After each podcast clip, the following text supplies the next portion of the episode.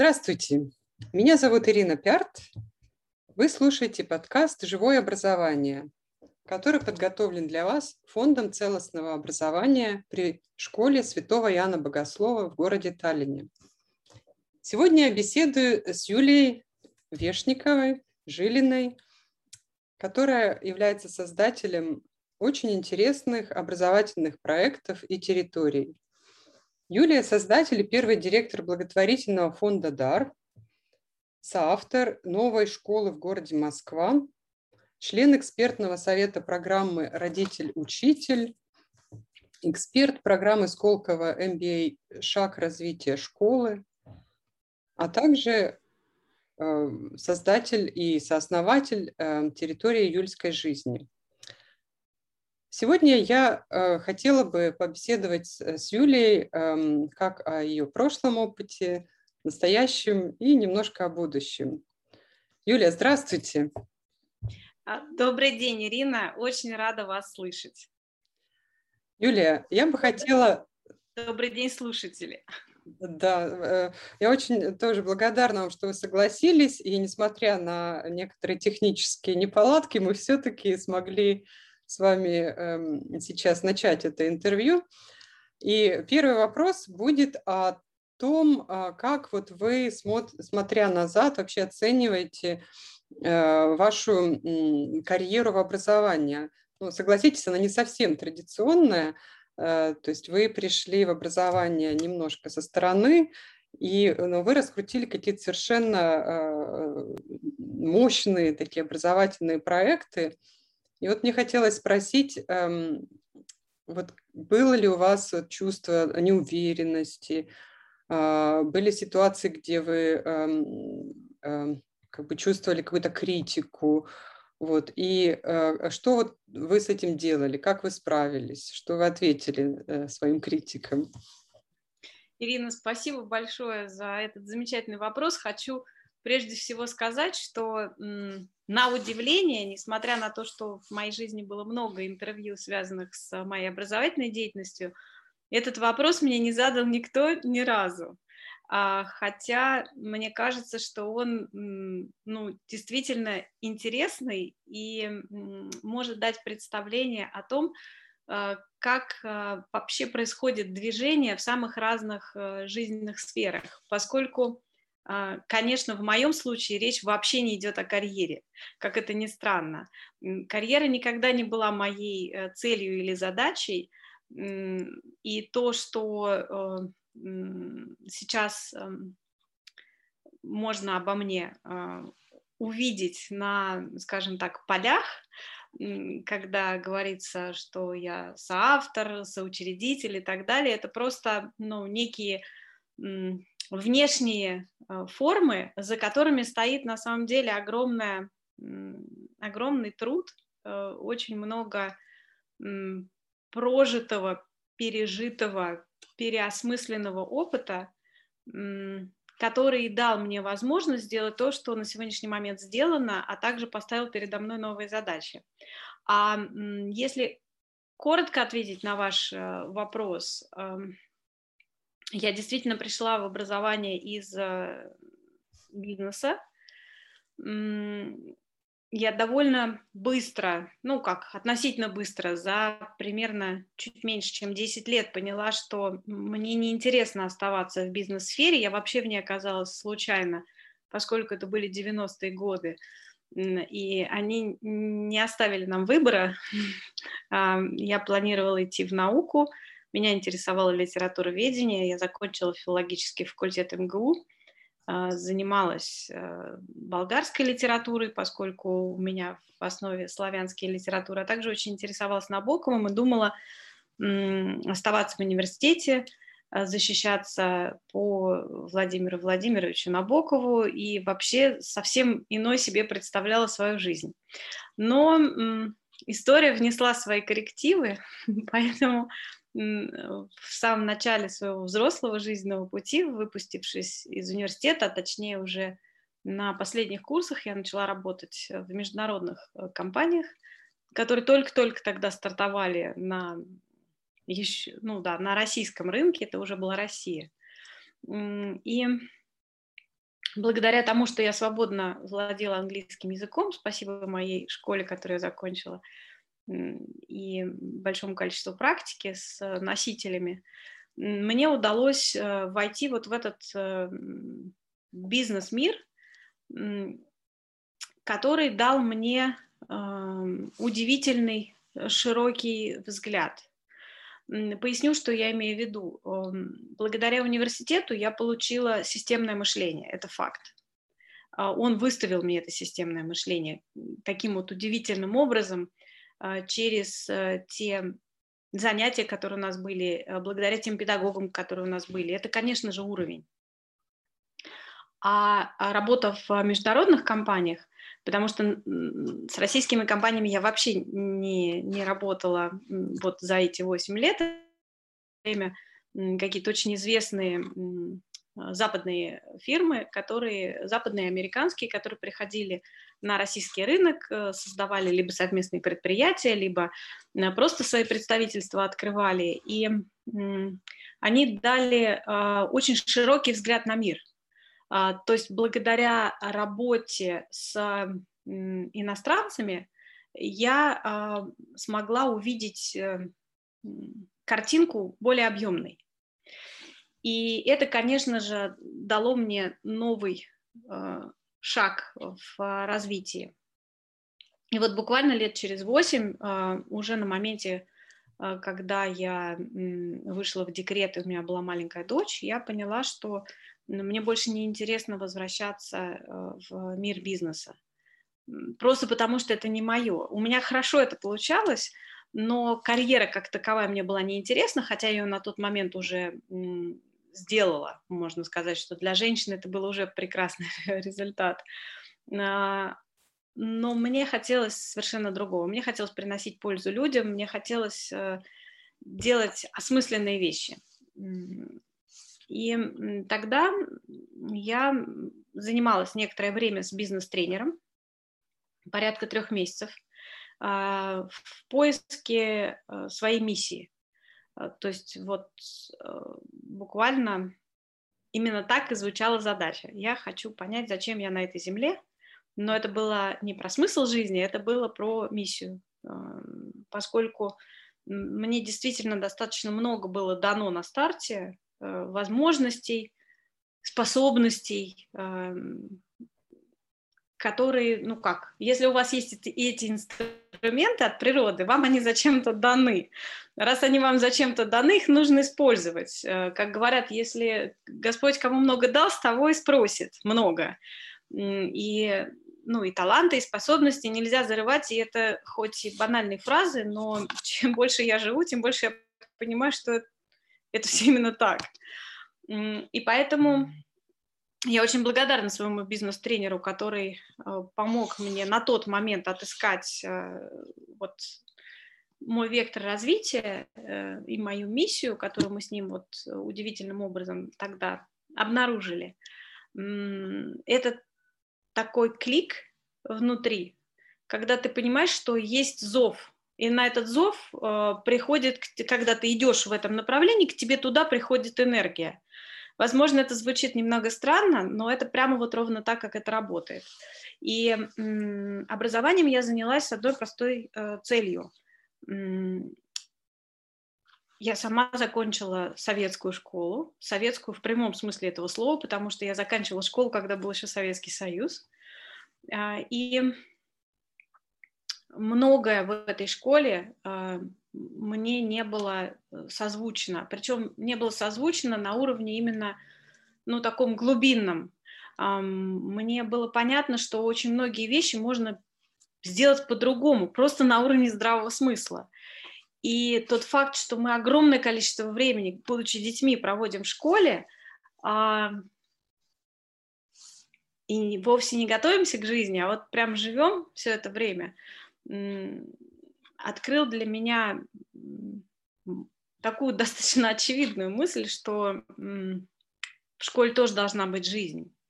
И чем меньше а, будет запротоколировано то, что там происходит, а, тем а, живее будет эта школа, тем естественнее будут происходить процессы, потому что на самом деле образование – это же про то, чтобы научиться жить в этом мире, да, вот, ну, кто-то решил, что это за 10 лет происходит, кто-то решил, что потом за 11, в некоторых странах за 12, но, в общем, предполагается, что человек, выходя из школы, уже так или иначе к жизни приспособлен, то есть к ней готов.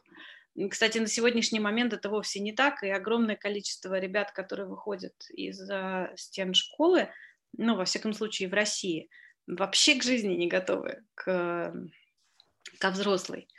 А, потому что парадоксальным образом вышло так, что сейчас люди воспитывают, э, вот поколение, которое воспитывает детей, это поколение дефицита.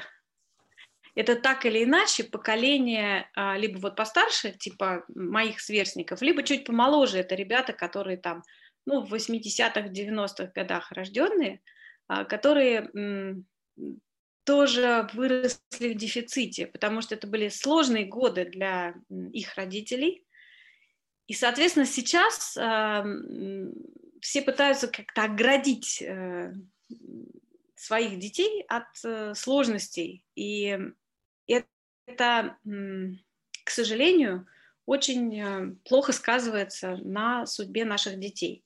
А вообще это один из моих постулатов э, по жизни, что я считаю, что самое главное, что могут сделать родители для своих детей, это научить их обходиться без них. А, ведь а, для любого живого существа самое главное, чтобы его детеныш выжил, а желательно преуспел. И поэтому э, это невероятно важно, чтобы наши дети выросли самостоятельными. А, вот, собственно, ну и еще очень важный момент, о котором сейчас только начинают говорить, а я эту тему подняла еще в 2004 году, когда, собственно, занялась а, темой образования. Это состояние счастья. А, очень много успешных людей, счастливых мало. И вот эти все походы бесконечные к психологам, которые сейчас набирают такой эм, э, оборот очень серьезный, это все от того, что э, люди стремятся к успеху, не понимая, что успех не равно счастье. Бывает, что равно, но не обязательно. Это не тождественные понятия. Поэтому эм, порой э, счастье в простых вещах, но мы пробегаем мимо этого, ставя себе какие-то очень странные а, задачи. А, и вот в этой погоне за успехом люди проводят, к сожалению, огромное количество э, своего жизненного времени. А потом мы все читаем в интернете всякие там послания известных людей э, перед смертью, что самое важное это вот близкие люди и здоровье, и взаимоотношения с людьми, и быть человеком, но это все равно как-то а, даже когда люди это пересылают друг другу или репостят, они не задумываются о том, что это все очень серьезно. Вот, и, собственно, а, еще очень важная вещь. А, наверное, я прежде всего отталкивалась от своего собственного состояния на тот момент, что, наверное, одна из таких самых важных тем в жизни – это найти свой путь и жить свою жизнь. И опять казалось бы, ну а что-то такого сложного? Мы все вроде как бы живем свою жизнь, но это не так. И наши родители, и все наше окружение на старте, и школа, и различные другие учебные, в том числе учреждения, они ребенку с самого старта навязывают э, какой-то набор их представления о прекрасном. И здесь не надо путать э, с вечными жизненными ценностями, потому что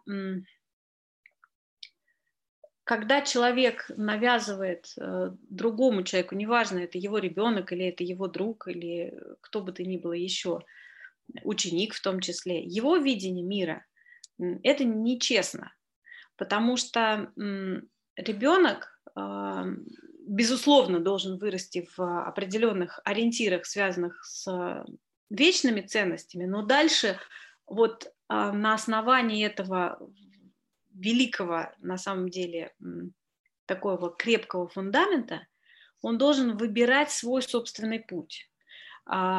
И тогда, только тогда он может быть счастлив, потому что тогда он найдет свое место, потому что все остальные места заняты. А вот на своем месте он совершенно точно будет и счастлив, и успешен. Вот такой вот, э, на самом деле, фантастический, казалось бы, залог э, счастливого будущего для детей. Но это невероятно трудно сделать. Невероятно трудно налить и отойти. Невероятно трудно занимать просто поддерживающую позицию, а не экспертную по отношению к собственному ребенку. В том числе и потому, что мы выросли в этой парадигме. Нас учили так э, родители, и единицы смогли вырваться и найти свой путь, вот как э, Чайка Ливингстон. Но это, это большая редкость. И даже на сегодняшний момент, несмотря на то, что все очень много пишут про психологию, про взаимоотношения с родителями, про то, как правильно оставить детей в покое, как только, и очень много говорят про вот эту вот эм, субъектность, очень такое модное сейчас слово, а по факту, по сути, как только ты погружаешься в любой отдельно взятый кейс и разговариваешь с конкретным родителем, а, пробираясь вот через всю эту модную мишуру словесную, ты вдруг обнаруживаешь вместе с этим родителем, что ни о какой субъектности в его случае речь не идет. А, что когда, ну вот для примера, один достаточно известный человек а, в своем выступлении, говоря о том, как, каким он видит э, правильное идеальное образование, сказал, что, конечно же, совершенно никуда не годится, когда детей заставляют чем-то заниматься. А, вот, например, э, у него был, э, это из его как раз рассказа, был прекрасный друг, э, невероятно одаренный, талантливый скрипач. Но он совершенно не хотел заниматься этой скрипкой в детстве. И его еврейская мама заставляла это делать на регулярной основе и буквально запирала его в комнате, стояла под дверью и требовала ну, некоторого количества часов э, для того, чтобы рос профессионализм. А все, наверное, знают, кто так или иначе с музыкой сталкивался, что в музыке важны каждодневные, упорные э, занятия, потому что там 5% гения и все остальное – это труд. А, мальчик, э, ну, прям совсем не хотел этого делать, и периодически э, скрипку бросал э, и говорил, что он больше не может. И в эти моменты мама говорила, что если он не будет заниматься, она выбросится в окно. А, да-да, и э, вырос э, всем известный талантливый скрипач. Мы не знаем, счастлив ли он. А, но сейчас не об этом. Так вот, э, коллега, который рассказывал эту историю, сказал, что мы так делать не будем. Мы придумаем, как этого ребенка заинтересовать, чтобы он стал заниматься скрипкой. И вот смотрите, внимание, здесь находится великий подвох и лукавство.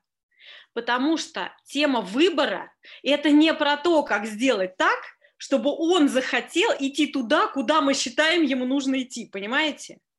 И это, и это ужасно на самом деле, потому что большинство людей, даже самых продвинутых, самых развитых, самых э, образованных, не понимают таких простых вещей. А, это замыленность взгляда, это, возможно, зашоренность, это неготовность иметь дело с реальной свободой человека. Потому что когда мы говорим, да, у него есть этот талант, но совершенно не факт, что он должен этим заниматься. Смотрите, это очень важный момент. Человек должен пойти туда, куда у него есть внутренний зов. Возможно, этот талант ему пригодится зачем-то еще в жизни. А мы ошибочно полагаем, что если он у нас классно рисует, то он будущий Ван Гог. Но это вовсе не так, потому что в частности, в музыке. А, не помню, к сожалению, мне очень понравилась эта великолепная цитата, но я не помню автора. Было сказано, что музыкой можно заниматься только в том случае, если тебя нельзя а, оторвать от ножки рояля. Что вот если ты так хочешь заниматься музыкой, вот будучи ребенком, что ты вцепился в эту ножку рояля и не можешь оттуда отойти. И такие дети есть, поверьте. Есть дети, которые э, предпочитают заниматься музыкой, предпочитая э, ее всем остальным увлечениям и занятиям. Правда? Вот это, это про тех, кто хочет идти этим путем. Все остальные, которым дан талант музыкальный, но у которых нет желания заниматься с утра до ночи этим, нет желания поставить крест на своем лете, например, потому что э, профессиональное занятие музыкой – это как для спортсмена, ты не можешь отойти от э, снаряда. А, и это, слушайте, это серьезные лишения. И в такие вещи, равно как и в спорт, можно идти только в том случае, если у тебя внутри есть эта потребность. И поверьте, даже маленькие дети вполне себе в состоянии эту потребность отфиксировать, понимаете? А задача взрослых родителей рядом с ними увидеть именно интерес, а не только способности. Это очень важно. Не создать искусственно этот интерес, помахивая конфетой где-то на, на заднем плане, что ты сейчас у нас э, сыграешь или там э, пойдешь на свою тренировку или еще куда-то, а потом получишь что-то. Потому что вся фишка природная в том, что как только у тебя на самом деле есть интерес, тебе не нужно никаких конфет. Конфет я сейчас ставлю в кавычки. Потому что идя а, за своим интересом, ты получаешь огромное, огромное вознаграждение в виде невероятной, колоссальной энергии, которая круче всяческих конфет. Конфет ставим в кавычки. Потому что это то, зачем потом люди всю жизнь взрослые гоняются. Это тот самый энергоресурс, который а, стоит колоссальных денег. Это сотрудники, которые стоят колоссальных денег, потому что когда у тебя глаз горит, ты можешь сворачивать горы. И вот все работодатели, без исключения, ищут таких людей. Но для того, чтобы таких людей найти, их нужно, им, им нужно дать возможность вырасти. И я могу сказать, что э, на сегодняшний момент, за редким исключением, такие люди вырастают вопреки, а не благодаря. Просто потому, что они продираются сквозь э, тернии, Э, продираются сквозь э, преграды, созданные взрослыми, заботливыми людьми. Вот в этом смысле я теперь понимаю, почему говорят о добрых намерениях и соответствующем пути. Вот мне прямо понятно, потому что мы же, конечно, исходим из того, что мы хотим лучшего для наших детей, и вот они, наши добрые намерения.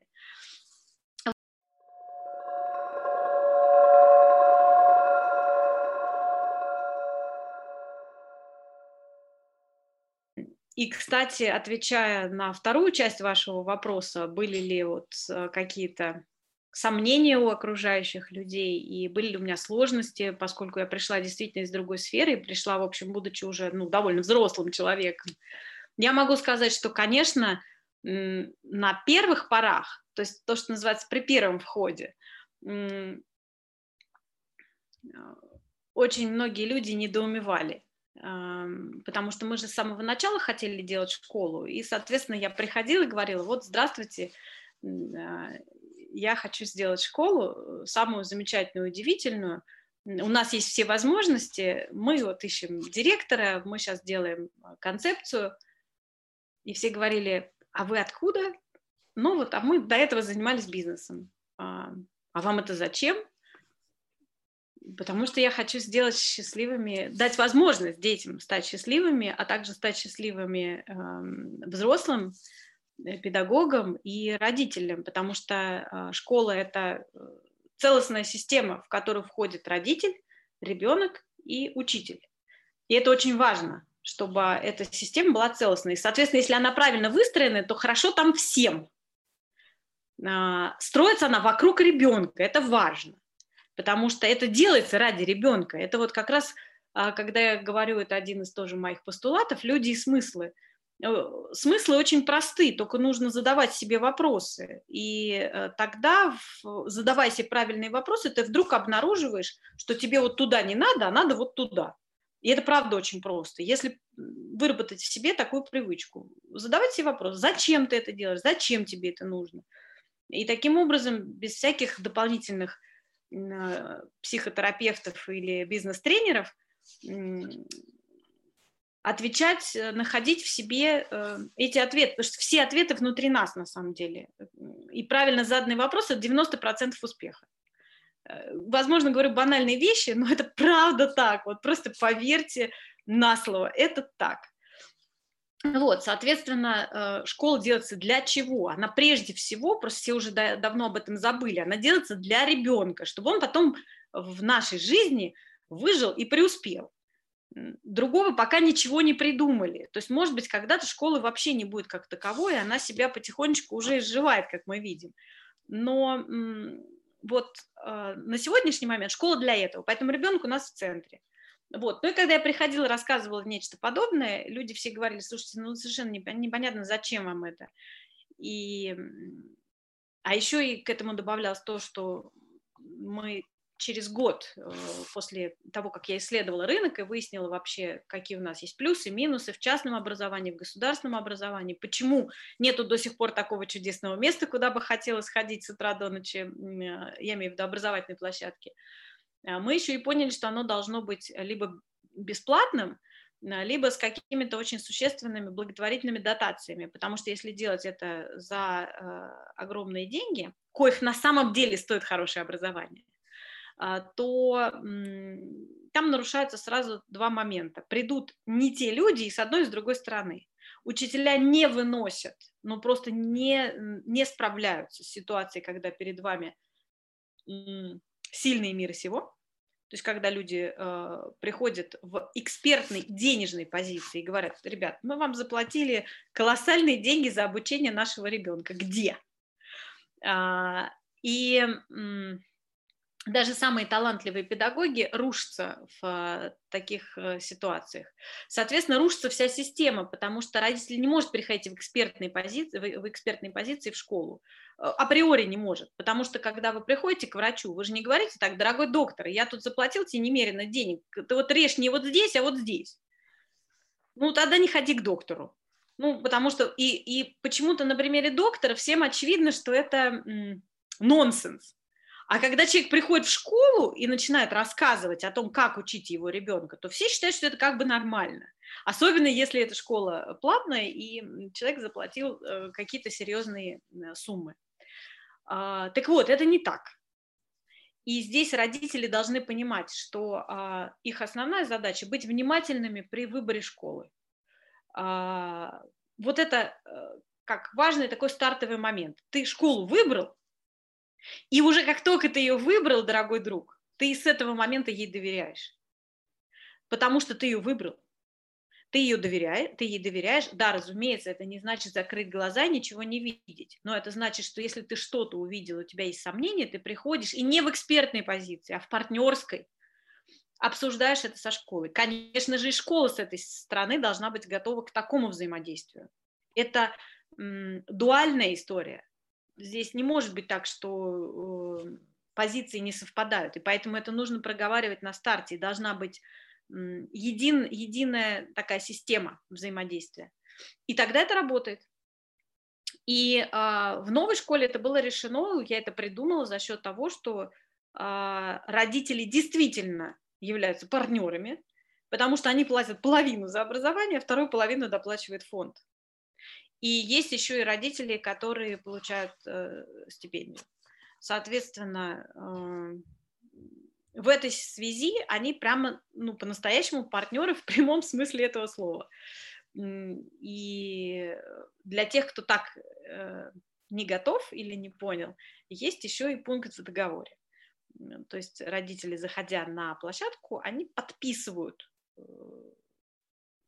свое согласие вот таким образом взаимодействовать э, со школьной э, администрацией и с учителями. Вот, а, ну вот, соответственно, когда мы все это выстраивали, я ходила в поиске самых разных э, коллег, поддержки, площадки мы же долго не могли построиться, потому что просто не могли найти место. Это только вот буквально несколько лет назад открылась такая возможность, а до этого все было гораздо сложнее. И мы приходили к государству и говорили, люди, мы готовы построить школу, она будет благотворительная, это будет за наш счет, а, и она будет реально новым словом в образовательной сфере. Это будет в России, это будет круто, потому что к нам будут ездить и смотреть, как мы это сделали, а не наоборот. И ответ в среднем был такой, а в чем подвох? Ну, то есть это бесплатно, это вы даете для э, людей, для государства, а как бы что-то тут... А, и было очень трудно объяснить, что бывают ситуации, бывают люди, которые просто хотят сделать э, для э, страны, для того, для людей, для того, чтобы это осталось. Я всем говорила, может быть, вы слышали так, Сава Морозов, может быть, вы что-то слышали про благотворительность, э, про традиции в России. Да и в мире теперь уже это тоже есть. Но поначалу это вызывало недоумение, не более того.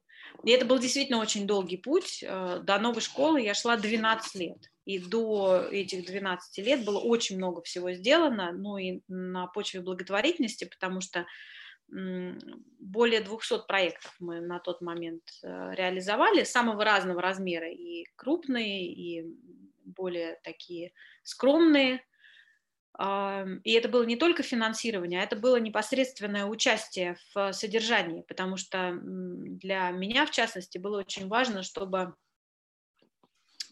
каждый буквально рубль расходовался со смыслом, и в основном финансировались проекты, у которых было будущее. И это будущее оценивала в частности и я, и прибегала к помощи еще других экспертов в образовании. На тот момент у меня своей экспертизы было еще недостаточно. Потом она просто наросла, скажем так, с опытом.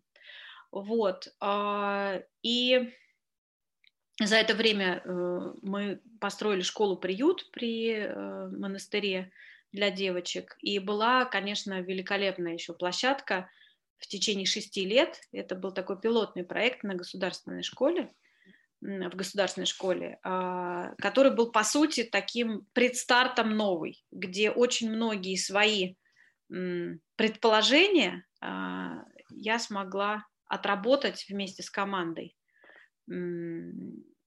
и потом уже реализовать в новой школе. Ну, вот такой длинный получился ответ. Я думаю, что я параллельно покрыла некоторое количество вопросов э, последующих, но просто вы меня этим вопросом, правда, вдохновили, потому что, на удивление, ни разу никто из э, тех, кто вел со мной официальные беседы, не спросил, а как это было. Вот. Ну и, конечно, э, у меня не было, э, вот сейчас это такое модное название, комплекс самозванца, по-моему, называется. У меня не было комплекса самозванца, я, честно говоря, об этом не задумывалась, потому что я не пыталась никого ничему учить. Я пришла со словами «я хочу вот так сделать», я это вижу, я точно знаю, что я это сделаю. А, просто поначалу коллеги э, забавлялись, э, потом увидев мою настойчивость и глубину на самом деле, потому что я же объясняла, почему я хочу так сделать. И очень многие вещи э, давались мне даже не из книг, а каким-то другим а, образом, потому что, например, мои коллеги из... Э, я с очень многими людьми познакомилась и благодарна Богу за то, что он ну, на самом деле давал мне э, невероятных наставников, и это все было не с помощью денег, это очень важно. А, образовательный мир, во всяком случае, в России до вот э, момента, во всяком, ну, до момента моего выхода оттуда, я не знаю, как сейчас, это очень закрытая история, и никакие деньги не решают, э, ну, не дают возможности выйти на тех людей, с которыми ты хочешь общаться, потому что эти люди другие, они из другого теста сделанные. Это очень важно. И поэтому вот наставники, э, с которыми мне посчастливилось встретиться, подружиться, работать, э, великие люди, э, Леонид Исидович Мильграм, например, или а, Рачевский Ефим Лазаревич, или э, я застала Тубельского.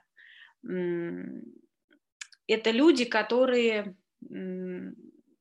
Алексей Львович Семенов. Это люди, которые ну, были такими очень серьезными метрами в образовании на тот момент. Да, это старая школа, но это старая школа, у которой было чему поучиться. И я счастлива, что эти люди были моими учителями, учителями с большой буквы У. А, и они с большим уважением относились к моей мечте, через какое-то время даже поняв, что, видимо, да, я это сделаю. вот. Поэтому скорее а, атмосфера была вокруг меня дружелюбно. Я бы вот так это сказала.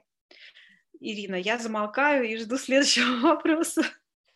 Юля, это, это было прекрасно. Э, мне кажется, это очень важно для слушателей все-таки узнать о вашем пути. Вот. И, ну вот, слушая вас, я все-таки решила э, как-то следовать за, за вашим ходом мысли. И вот у меня возникло действительно целый ряд вопросов. Эм, ну, может быть, если мы будем говорить о вас, да, то есть вот э, такой вопрос для многих людей, которые вот начинают какие-то такие а, совершенно новые проекты, да, а, для них очень важно увидеть эм, какой-то результат, да, то есть как вам кажется, то есть сейчас вот на этой стадии, то есть когда вы э, сказали, что вы теперь уже этим не занимаетесь, то есть э, вы увидели этот результат, и, почувствовали удовлетворение, то есть, э, то есть как вы э, все-таки для себя решили, что это сейчас правильный момент, чтобы отдать это вот другим? Хороший, сложный вопрос. Э, смотрите, люди, которые заходят в образование, должны понимать, что там ну, практически нет результата, который приходит мгновенно. Когда мы говорим о школе, это вообще результат, которого я еще не увидела, конечно же, потому что хорошо сделанная школа – это результат ну, хотя бы 11 лет, потому что только через 11 лет вы поймете, а, получилось или нет. Понятно почему, да? Потому что э, чистым результатом работы конкретной школы будет выпускник, который пришел с первого класса. Ну вот, вот вы получили эти 11 лет и вы видите результат. Потому что, например, сегодняшние выпускники новой школы – это не результат работы новой школы. Ну, то есть отчасти да, а отчасти нет. Потому что в 10 класс был отбор, потому что э, пришли те дети, которые уже созвучны, но которых воспитали какие-то другие школы. И основной задачей было удержать вектор и не испортить за эти два года, да, вот, чего, чего школа добилась, слава богу но результат будет только через 11 лет от момента открытия школы. Вот тогда, э, собственно, в 2017 году набиралось два первых класса, и вот нужно смотреть по тем детям, которые прошли действительно 11 лет школы. Соответственно, например, эм, мне, как человеку, который эм, по жизни спринтер, мне результат нужен быстро. И как раз в, этот, в этом смысле, придя из бизнеса, где результат можно достичь очень быстро, я столкнулась с ситуацией, что стоп, я себе придумала такую задачку, а, которая не по моей природе. А, мне нужен результат быстро. Я, я тогда еще не знала, что это э, история на там, 15 лет моей жизни. Я рассчитывала на то, что 5. Но и 5 для меня было очень много потому что мне результат, а результат это как раз то, что дает удовлетворение и новую энергию для того, чтобы двигаться дальше. Я через какое-то время, ну, и стартуя, понимала, что это такая история, игра в долгую, но в какой-то момент времени я поняла, что мне прям очень тяжело с этим. И я стала сама себе делить э, результат на подзадачи и подрезультаты то есть отвязаться от главной цели в, в ожидании вот этого удовлетворения. И за это время научилась есть слона по частям. Я научилась ставить себе э, мини цели внутри большой задачи, и достигая их, соответственно, получать удовлетворение от того, что да, вот это сделано. Да, мы школу не построили, но мы сделали вот это. Мы вот это не сделали, но вот у нас получилось вот это. И конечно же, очень важно, что я могу посоветовать людям, которые на старте какого-то своего проекта, чтобы они с собой вот поговорили как раз по варианту первичной мотивации. Потому что если ваша первичная мотивация не удовлетворена, то вы э, парадоксальным образом не получите удовлетворение даже от э, невероятного достижения.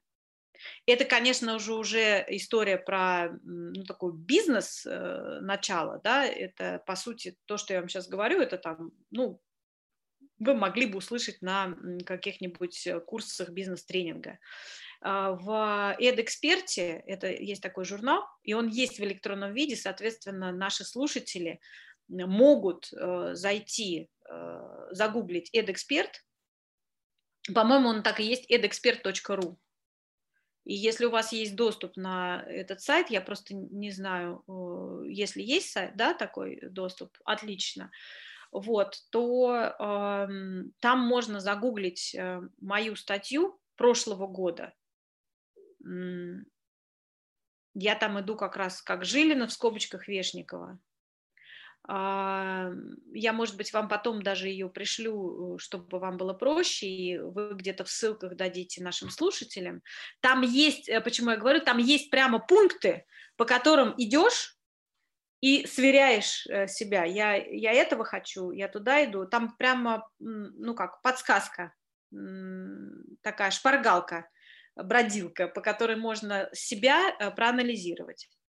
Вот. И э, это, это очень важный момент. Второй момент, эм, затевая какое-то э, дело в образовательной сфере, нужно очень хорошо рассчитать свои силы и понять, есть ли у тебя и нужны ли тебе какие-то партнеры, и если это э, коммерческий проект, коммерческие проекты возможны в образовательной сфере, но в основном это не школьное, ну, не, не школа, не школьное образование, а все, что касается допа. Ну и на самом деле, если здание арендовать, а не строить, то при грамотной финансовой модели тоже это может быть вполне себе, эм, ну, как минимум, самоокупаемой историей.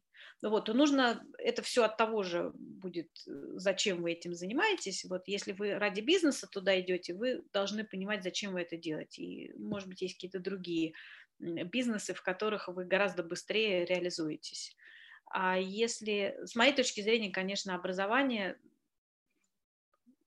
в большей степени даже, чем какие-то другие сферы жизни, требует э, вот этого сердечного импульса а потом все остальное. Там деньги придут, просто если причина, по которой вы пытаетесь этим заняться, не связана с вашим вот этим вот первичным интересом в эту сторону и каким-то ну, какой-то большой целью, я не побоюсь этого слова, это не, не пафос, это правда так.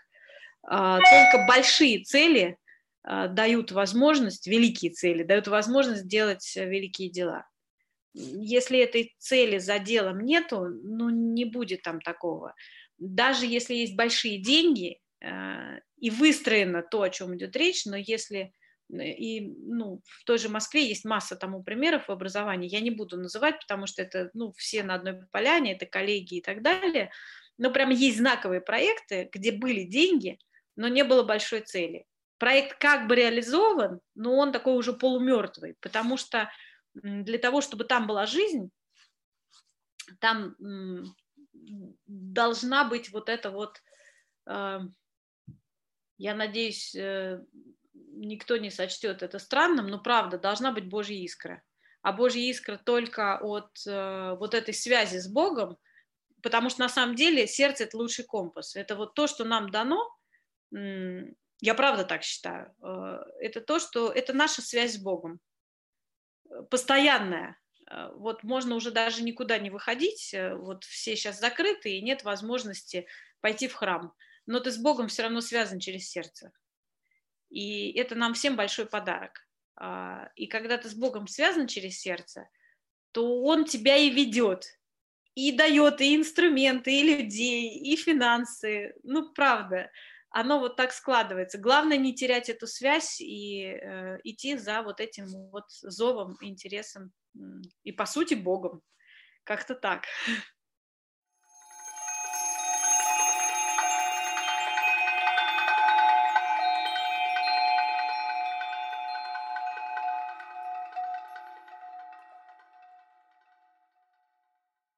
То есть э, как, э, как вы э, бы вот ответили на такой вопрос вот, э, конкретный родитель, который не э, имеет отношения ни к образованию, ни к педагогике. Вот он хочет помочь своему ребенку действительно быть э, счастливым, э, найти себя.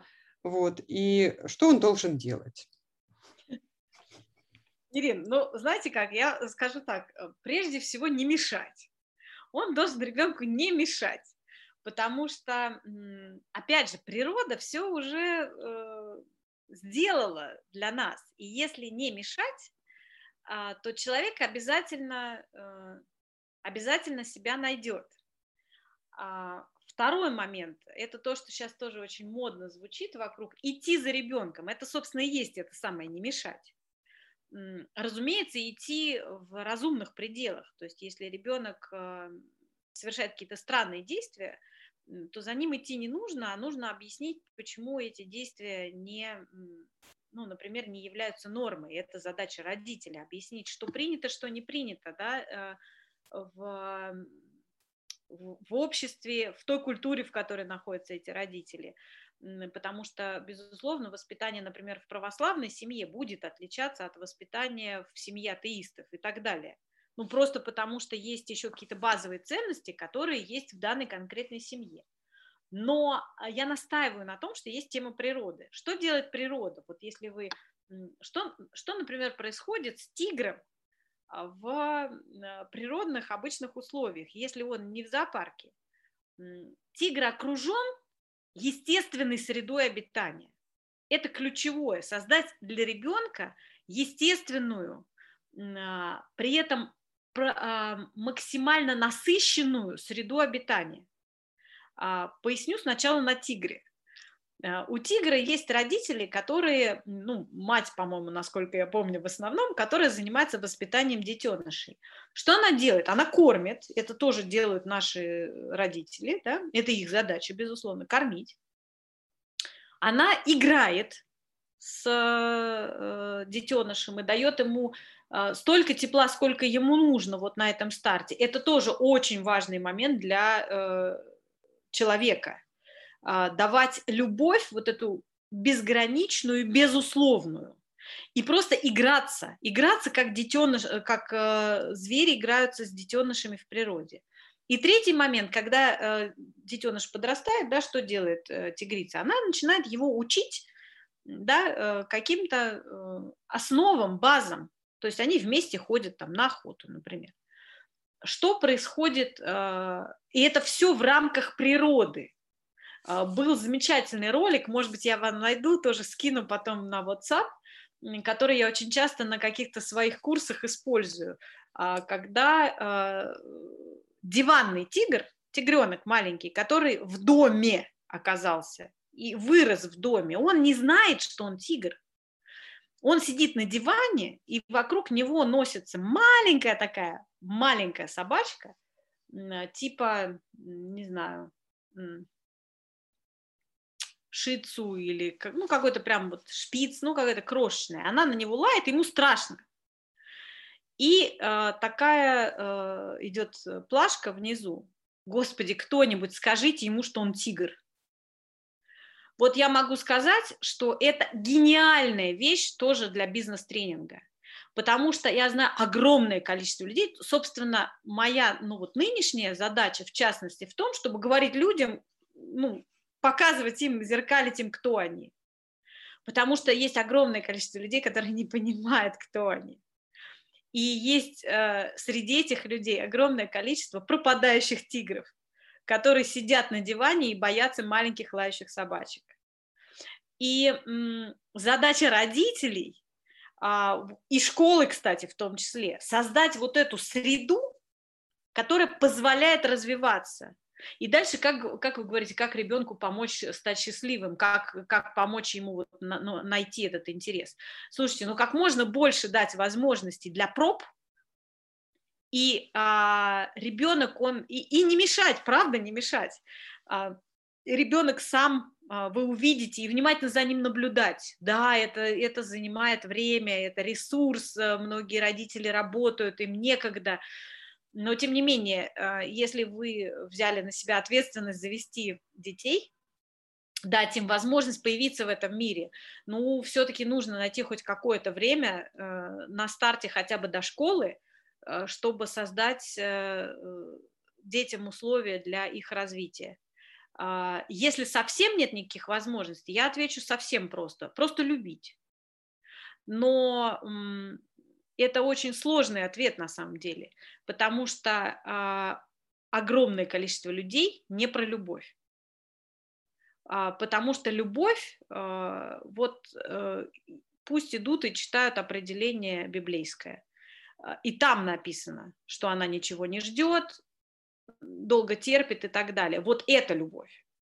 И заметьте, там нет определения, что это любовь между мужчиной и женщиной или там человека к партии. Это именно э, любовь как, как явление. И поэтому очень многим родителям не хватает терпения, например, любить. И нам всем, я думаю, мы вообще все в этом мире, прежде всего для того, чтобы научиться любить потому что это колоссально трудно. А с другой стороны, это нам природно дано. Просто э, люди замусорили э, эту тему. Так вот, если просто их любить, но любить это не значит, э, знаете, как э, кормить и интересоваться, какие отметки в школе. Это не про это. А любить это именно в том числе и давать возможность развиваться. Да? Это как э, птица, которая сидит у вас на руке. А, вы, вы ладонь открыли, она выберет, улететь или остаться. А, и это трудно. Поэтому для того, чтобы помочь ребенку быть счастливым, нужно самому быть счастливым. Поэтому всегда нужно, если хочешь изменить мир, измени себя. Всегда нужно начинать с себя. И в этом смысле, опять же, родителям я посоветую заняться собой. Я всегда родителям советую заниматься собой, а, потому что счастливый ребенок у счастливых родителей. И это правда так. А, тоже звучит банально, но, но это так устроено. Вот. А, поэтому могу, кстати, на вот примере собственной дочери сказать, что ей от рождения было дано огромное количество самых разных э, способностей. И, э, кстати, на заметку родителям, где-то до трех лет э, очень многие вещи, ну это надо просто почитать специальную литературу, наша сегодняшняя беседа точно не об этом, но я могу сказать, что до трех лет очень многие вещи можно запустить. Знаете, как активировать кнопочки. Вот, а, поскольку я экспериментировала прежде всего на себе и на собственном ребенке, то я запустила очень много разных кнопочек, и потом они все проросли в различные способности и таланты. Естественно, большое количество талантов – это всегда сложный выбор, потому что, особенно если еще нависают все вокруг э, взрослые внутри семейного клана, чем человеку заниматься, она пробовала самые разные вещи. А, но игровая деятельность это вот тоже, что я могу посоветовать родителям, давать возможность детям хотя бы до школы как можно больше играть.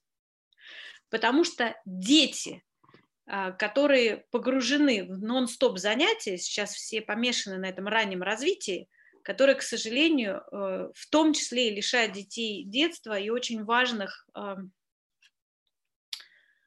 моментов проживания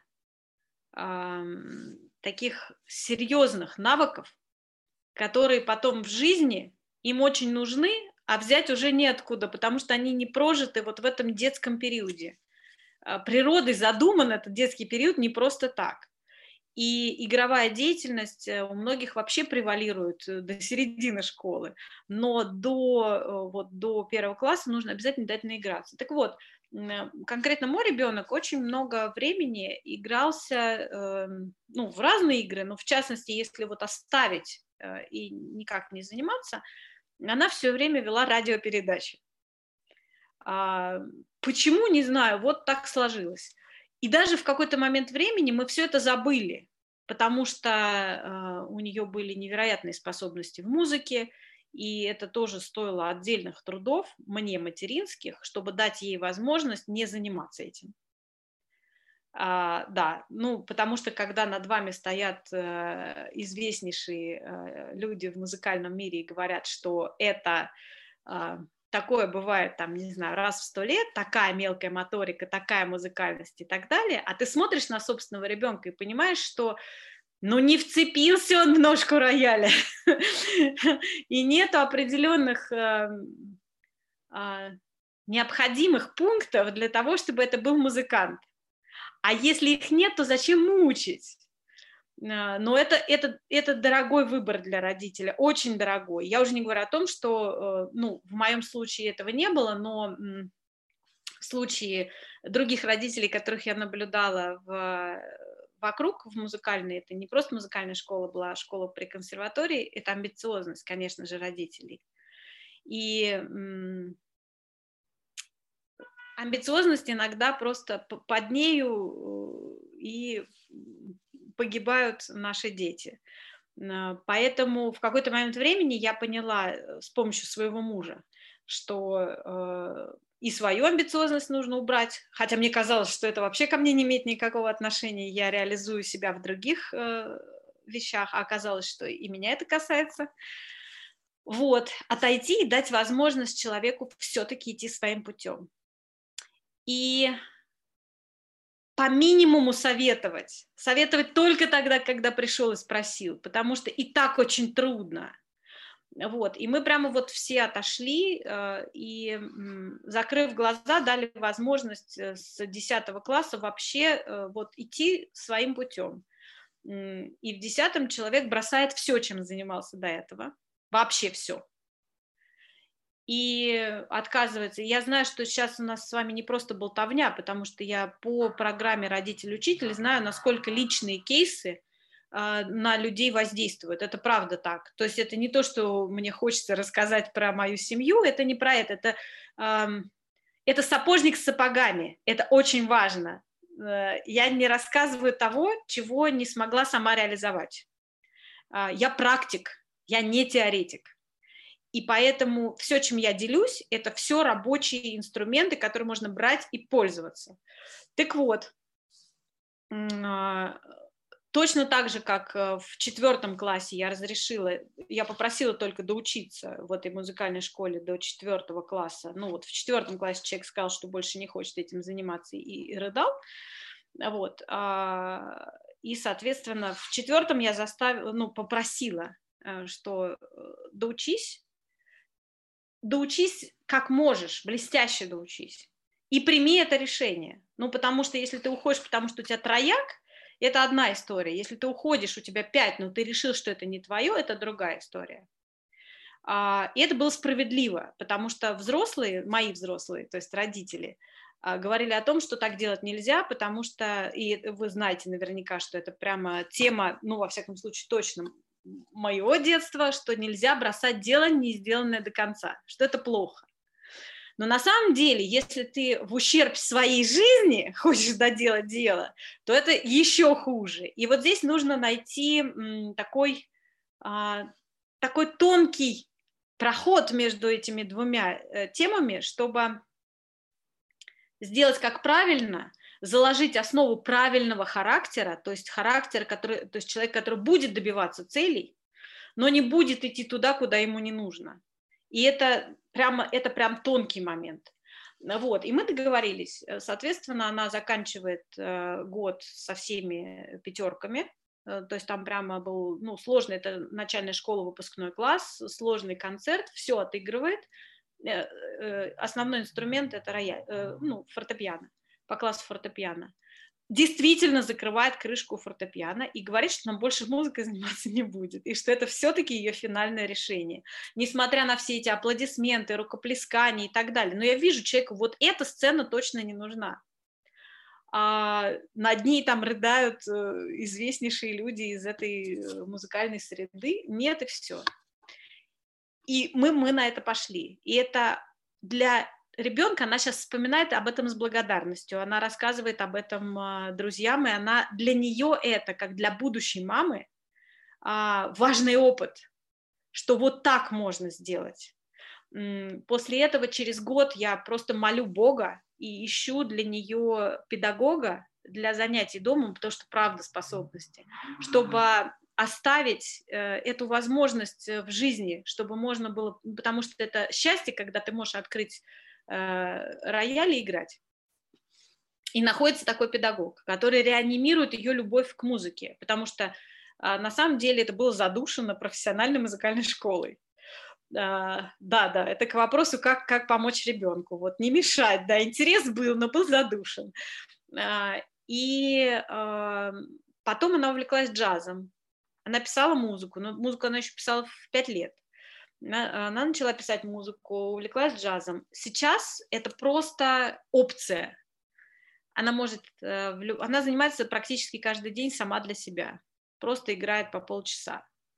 Она может открыть инструмент и на каком-то мероприятии, или просто для себя, или когда настроение не очень. Это тот ресурс, который у нее теперь на всю жизнь. Среди моих друзей очень много знакомых, которые а, были в детстве замучены родителями, закончили музыкальную школу, имеют даже э, не просто дипломы, а красные дипломы, и никогда больше не подходили к инструменту. У меня вопрос к родителям, зачем? Зачем? Кому это нужно? Ну вот правда, вот когда вы заставляете, вы это делаете для чего? Если вы хотите, чтобы у человека было счастье, да, любви, взаимодействие с музыкой, ну просто научите, дайте ему возможность научиться. А если это э, удовлетворение каких-то собственных амбиций, вот он у меня музыкальную школу закончил, и что? Что вам это дало? Что ему это дало, кроме ужасных воспоминаний, как били линейкой по руке, когда ты неправильно, э, когда ты неправильно брал фа диез? Ну, ну, ну это зачем?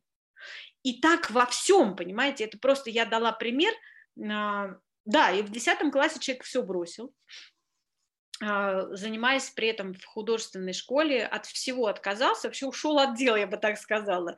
Мы просто, меня муж оттаскивал от этого всего, чтобы я просто никак, ни, ни в чем не эм, давила.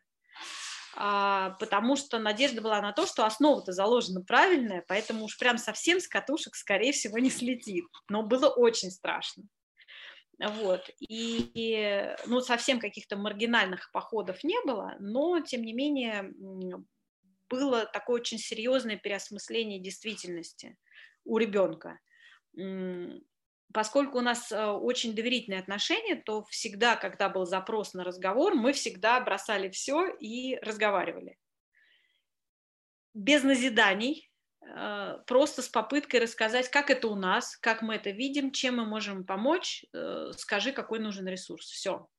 На сегодня, да, чем все закончилось? Э, человек закончил 11 класс, выбрал единственное место, из, сейчас же можно подаваться, ну, в России можно подаваться там сразу в несколько вузов со своими результатами ЕГЭ. Человек выбирает один вуз, один факультет, только бюджет, но это было нашим условием. Это для нас было принципиально, что э, если ты еще учишься там следующие пять э, лет, э, и мы за это платим, то это должен быть бюджет. Мы за это платим за все остальное, да, ну, потому что человек, мы даем возможность э, дневного обучения. Мы не злые родители, дело не в этом, и денег не жалко. Это про другое, это про то, чтобы человек мог жить самостоятельную жизнь свою, это очень важно. А, да, и а, даже когда при подаче документов говорят, ну, может быть, вот еще вот на какие-то другие, ну, на всякий случай у вас хорошие результаты, но здесь высокий конкурс, но вдруг нет. То есть, понимая риск, что э, если не поступает, то идет работать, э, ну, это не как угроза, это просто как э, данность, вот, и будет еще параллельно готовиться к следующему году и так далее, вот человек берет на себя э, эту ответственность сам и поступает.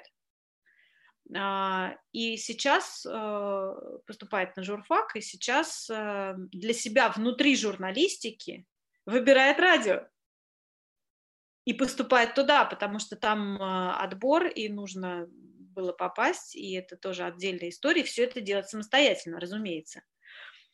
Поняв, вот услышав вдруг этот зов, вспомнив из детства эти бесконечные передачи, которые сама записывала и вела, и теперь а, приходит и говорит, слушайте, я, я, когда я это делаю, она сейчас это делает сама на университетском радио, я, ко мне приходит такая энергия, такой восторг. Вот человек это сейчас описывает изнутри. И это очень важно. Но это стоило мне, например, как матери, дорого в плане работы над собой. Потому что я просто буквально каждодневно била себя по рукам, а, не встревая а, вот, вот в эту историю. И было тяжело, потому что казалось, ой, ну вот сначала можно сюда, хочешь мы вот сюда, а хочешь вот. А вот не надо этого, потому что он сам, он, ребенок, сам должен захотеть. И вот этим тоже родители ему, ребенку могут очень помочь. Дать возможность захотеть самому. Нынешние дети, я не знаю, думаю, что это и у вас тоже обсуждается часто, они разучились хотеть. Не хотят. А почему не хотят? Ну, просто потому что э, для того, чтобы захотеть, нужно создать э, дефицит, а у них избыток. Они, знаете, как растения, которые залили э, водой и светом. У них избыток, они, они загнивают в этом, потому что если залить растение, оно не будет расти. А ведь вроде кажется, ну, ему, же надо пить, и вот сейчас еще удобрений навалим. А так не годится, так не работает. Должен быть э, дефицит. И только тогда а, появляется вот это вот состояние кайфа. Игрушку нужно подождать, не сразу получать все, и это в детстве закладывается. И э, в советском детстве это было просто естественным образом, приходилось ждать игрушку. А сейчас нету вот этого периода, когда ты чего-то ждешь и потом получаешь. И в этом смысле родители должны создавать этот период. Даже если у них есть возможности, они могут вот так купить все. Хочешь настоящую машину в три года. Не надо. Надо создавать вот эту вот... А, а, вот этот вот период ожиданий и подогревания желаний. И тогда, э, тогда ребенок научится хотеть. Потому что когда нету э, вот этого умения хотеть, а, апатия, не хочется двигаться, понимаете? И э, когда не срабатывает, э, если в детстве человек не научился хотеть, я детство беру не только до 6 лет, я беру детство вот, ну, там, до середины, может быть, школы. У всех обычно провал происходит 12-13 лет. Вот они раньше хотеть не научились, а дальше еще и сложный период, который все школьное образование считают сложным, потому что э, вот это вот э, чудесное детство заканчивается, оно еще подубито начальной школой, ну, в среднем так происходит. И дальше вот он, э, у него семья отходит на второй план, на первый план приходят э, сверстники, среди которых хочется и самоутвердиться, и там они становятся более авторитетными. И если в этот момент не поработать э, и закрепить умение хотеть, э, то люди начинают ходить на поводу у других, э, они теряют интерес э, к деятельности, они залипают в телефонах, ну и как бы вот э, к, к концу школы те, которые ответственные, они просто мучаются, потому что надо сдать экзамены, куда-то поступить, а те, которые менее ответственные, просто улетают в тартарары. Вот как-то так.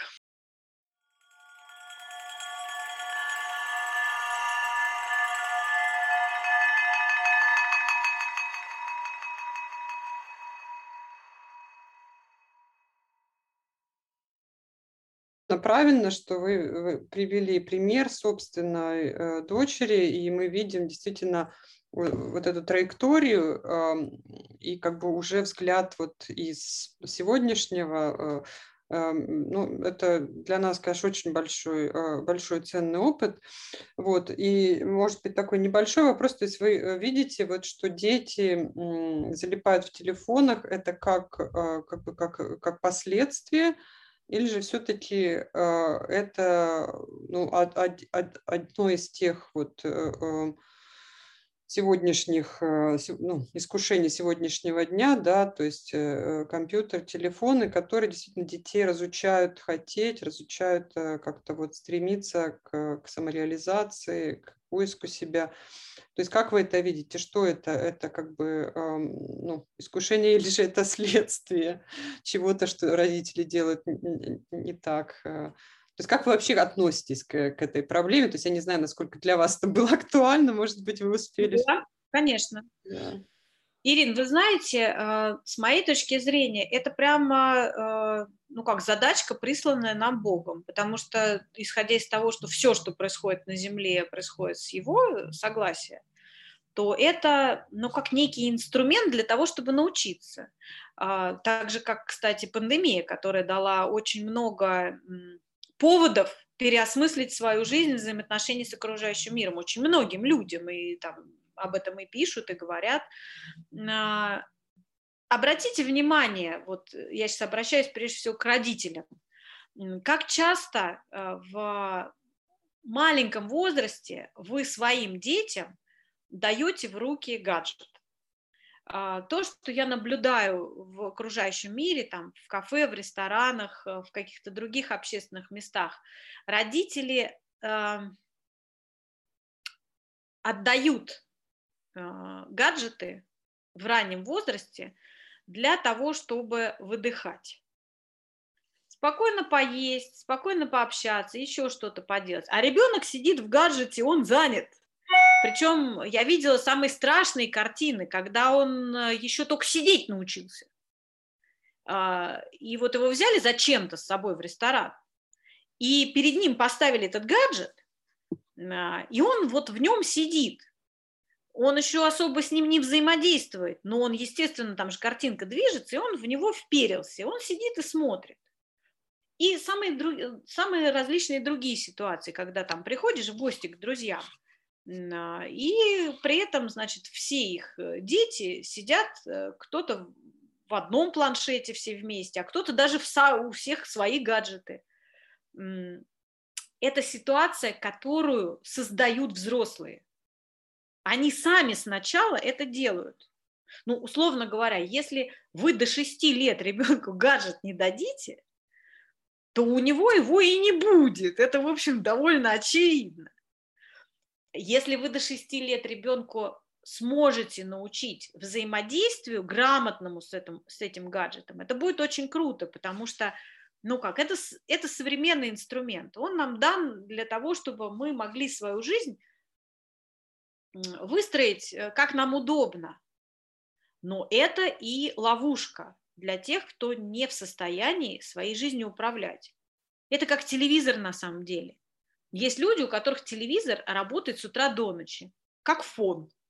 Есть люди, которые вечером не, не представляют себе другого досуга, они включают телевизор и смотрят его. А, есть люди, которые вообще не знают, что такое телевизор. Ну, то есть его нет как явления в жизни. Вот у нас, например, дома нет антенны. У нас есть большой э, экран, на котором мы смотрим кино, когда хотим. И если очень нужно, мы можем посмотреть речь президента через интернет э, в, соответственно, в Новый год. Ну как же без, без речи и без оливье. Но это все зависит от того, что вы делаете у себя дома, как вы себя ведете. Потому что, ну, к сожалению, все, что мы получаем, в том числе от наших детей, мы сами же туда положили. Это касается не только гаджетов. И если мы им не уделяем, например, достаточного времени в их детстве, то не надо потом удивляться, что им совершенно все равно, как мы живем, когда мы начинаем стареть. Ну, потому что у них тоже свои дела. И они предпочитают решать свои дела, потому что ты у них не в приоритете. Я не знаю ни одного случая, когда было бы так, что дети были бы разумно в приоритете, я сейчас не говорю о гиперопеке, это очень важно. Но когда дети в приоритете, чтобы потом родители не были в приоритете. Ну, это, это логично, это просто поскольку э, эта связь растянута, э, причинно-следственная, во времени, то мы не всегда, э, ну и редко кто об этом задумывается, то люди не всегда это видят. А в жизни вообще не бывает ничего не связанного. Просто часть того, что часть расплат, которые прилетают, они прилетают так эм, э, э, продленно во времени, что человек не понимает э, это про что. И, естественно, чем чище человек становится, тем быстрее ему прилетает. Но это такой бонус на самом деле. То есть вот если видишь, что прилетает быстро, это значит э, хорошо так почистился внутри. Я серьезно говорю. Поэтому, слушайте, гаджеты – это прекрасная штука, если ими э, с самого начала пользоваться по назначению. Вот, вот, вот как-то так. И в этом смысле могу сказать, что в новой школе, в частности, внутри собеседований, которые э, я придумала для того, чтобы было понятно, насколько созвучны родители и школы, это очень важно. Это не какой-то отбор а, капризный или отбор крутых или еще что-то. Это вообще не про это. Это про то, насколько родители действительно понимают, что им нужна конкретно эта школа. Это очень важно. Это то, о чем я вам говорила там полчаса назад, что если эта школа не твоя, а просто все побежали, и ты побежал, не надо сюда ходить. Особенно, ну, там, это сейчас касается новой, потому что это хайп, потому что это модно, потому что вся Москва хочет, потому что конкурс 16 детей на место в первый класс, это круче, чем в университете. Но если ты не понимаешь, про что там, не надо туда ходить, потому что удовлетворения не будет. То есть ты, ну, вроде бы привел, но если ты не считаешь, что то, что там делается, это классная идея, что это действительно нужно твоим детям, ты будешь страдать все время. Вот. Э, и мы, в частности, спрашивали э, родителей э, досуг, как они проводят свободное время с детьми. И могу сказать, что были забавные, например, ответы. Ну, то есть, э, так или иначе, слух уже прошел по рынку, чего хотят-то, чего. Вот. И э, я, знаю, я, знаю, что, я, знаю, что даже, я знаю, что даже чтобы проходить наши интервью и так далее. Ну, в общем, забавные такие вещи. Э, и они говорят, мы вместе проводим выходной вот одна пара там пришла, я говорю, ну а как вы проводите выходной? Ну вот мы вместе едем на занятия, ну замечательно. А, и что вы делаете на этих занятиях? Ну, а, я отвожу, значит, его на хоккей, сам я иду в бар, а жена по магазинам. Но мы вместе проводим этот выходной. Ну, дорогие друзья, это не вместе проводим выходной. И а, те семьи, которые понимают, что такое вместе, они, как правило, не имеют проблемы с гаджетами, понимаете? Потому что когда у вас есть качественное время с детьми, когда вы на ночь читаете ребенку книжку, кстати, дорогие слушатели, вот прямо заклинаю, делайте это, пока они позволяют, пока они еще маленькие, пока с ними можно забраться под одеяло и почитать книжку.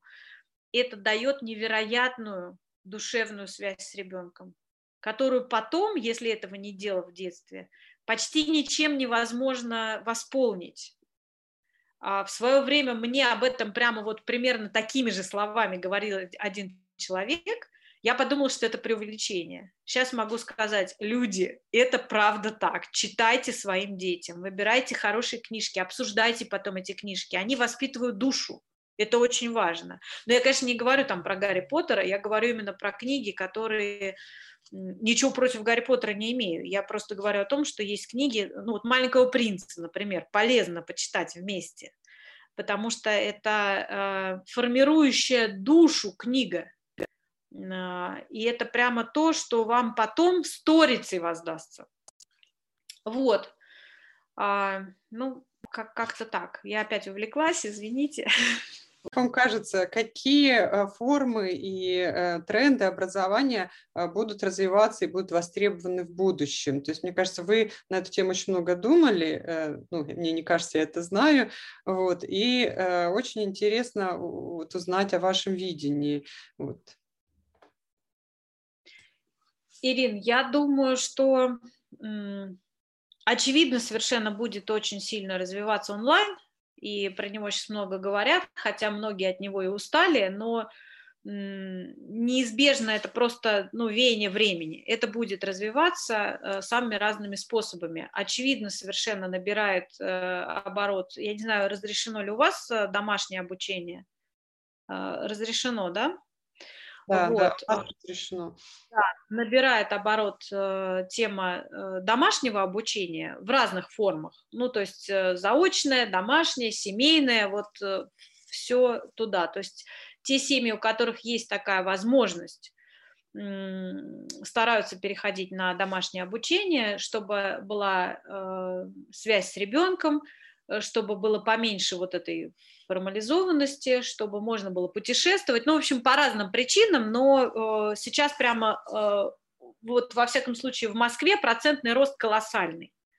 То есть прирост за этот год перехода на домашнее обучение порядка 40%. Это очень много. Да, то есть люди вот прямо э, пачками выходят э, в такое пространство ну, такой свободной темы, связанной с э, образованием наших детей.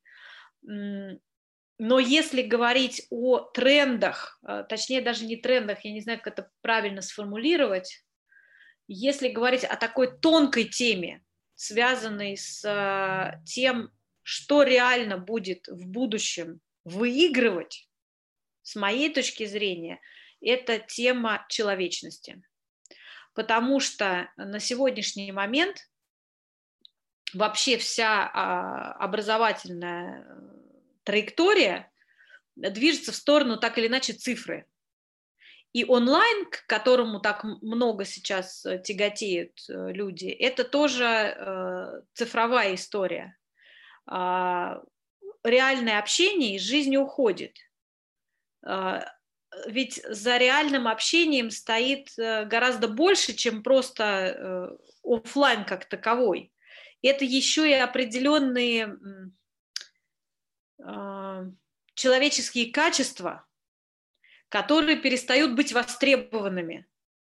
Но это иллюзия, вот это и есть искушение на самом деле. И вот э, а, все, что сейчас будет уходить э, в цифру и вот в этот массовый сегмент, куда все сваливаются с этими гаджетами, залипая на них, э, соцсетями и прочими вещами, это одна история. И там человека расчеловечивают, там уходит вот эта составляющая такого вдумчивого проживания жизни – а, я специально избегаю слова осознанность, потому что его так истрепали за последнее время, что оно потеряло свой смысл. А это именно вдумчивое проживание, когда ты живешь, а не пробегаешь мимо все, что происходит вокруг. И вот э, с моей точки зрения, самое главное – это развивать э, в ребенке человека, человеческие качества. Я умеренно, в смысле э, умышленно не называю это soft skills. Никакие это не soft skills, это именно человеческие качества. Доброту, внимание, заботу, уважение, а, умение услышать другого. Вот это самая договороспособность, но только не из коммуникативных навыков, а из умения услышать другого человека. Тогда и навыки не нужны, понимаете? потому что это какие-то сложные, придуманные, неестественные конструкции, которые сейчас, кстати, через язык очень видно, как э, наворачиваются на э, людей. А, э, и, и то, что раньше шутил покойный Задорнов, по какому вопросу плачешь, девочка, сейчас уже не шутка, Потому что когда говорят, мама, ты мне это сказала из протеста, у нас токсичные отношения, это о чем? Это такое наворачивание смыслов, понимаете, который порой вот даже этому ребенку, который где-то нахватался, этот подросток, и возвращает это родителям, он даже не понимает, что он говорит, если его вот так усадить и сказать, а что ты имеешь в виду? Вот можешь другими словами сказать. И вот эта знаменитая формула, если ты не можешь пятилетнему ребенку объяснить, что, о чем ты говоришь, это значит, ты сам не понимаешь. Это сто процентов работает. Поэтому э, я стараюсь максимально просто излагать свои мысли. а, так, чтобы они были доступны а, большинству людей, а, в том числе не имеющих отношения, например, к профессиональной терминологии. Потому что сейчас пространство информационное перегружено профессионализмами, за которыми порой для многих людей просто ничего не стоит. Они употребляют это, не думая. Я полагаю, что нас как раз слушает русскоязычное население. Э, и, кстати, хочу, пользуясь случаем, передать э, большой привет Таллину, потому что это место, где я была зачата. Мои родители, да, мои родители были как раз э, в этот момент в Таллине в свадебном путешествии, и мы не так давно с моей семьей приезжали в эту гостиницу, и мне было невероятно приятно э, почувствовать что-то такое особенное внутри.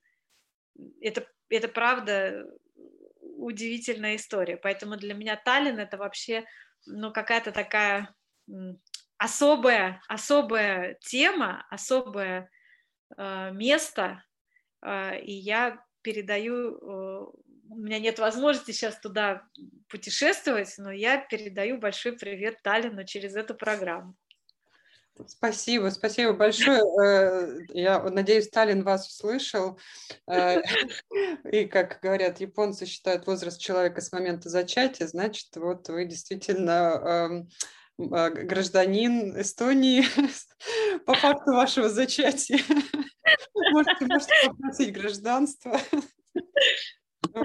Юлия, я ну, не могу даже вот найти слова, чтобы э, сказать, как, э, с каким вниманием я слушала и как отзывались э, ваши мысли во мне, что каждое слово просто резонировало, и мне хотелось говорить «да-да-да», вот, а еще вот об этом. Но я понимала, что это невозможно сделать в рамках нашего сегодняшнего разговора, но я очень-очень надеюсь, что мы продолжим, потому что я вдруг поняла, что оказалось гораздо больше тем, э, на которые мы вышли, которые нуждаются в развитии. Вот, но на сегодня мы закончим, и я напомню нашим слушателям, что я беседовала с Юлией э, Жилиной-Вешниковой, э, человеком, который э, вот за свою жизнь успел очень-очень много и а, создал совершенно вот оригинальные, интересные образовательные проекты, в том числе проект «Новая школа» в Москве, которая была, и могу сказать, что это действительно а, вау, это очень-очень крутая школа, и создатель, э, директор э, фонда «Дар», а, и сейчас э, человек, который консультирует и рассказывает, и вдохновляет а, людей, э, интересующихся образованием. Большое всем спасибо, большое спасибо, Юлия, и мы надеемся, что мы с вами еще продолжим наш разговор. До свидания. Спасибо, с радостью, до свидания.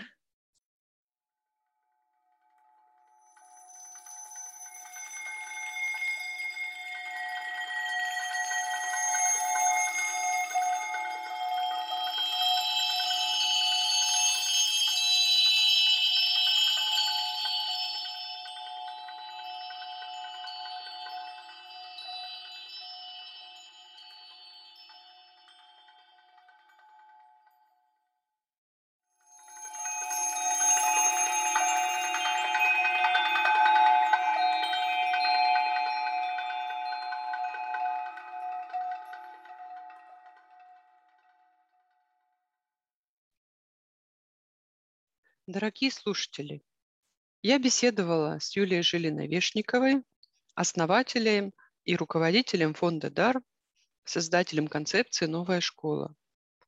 Наш подкаст был подготовлен для вас Фондом целостного образования, созданного при школе Святого Иоанна Богослова в городе Таллине. Нам очень нужна ваша поддержка. Если вам нравится то, что мы делаем, поддержите нас. Это можно сделать на сайте www.fond.pjk.ee. Благодарю вас. До свидания.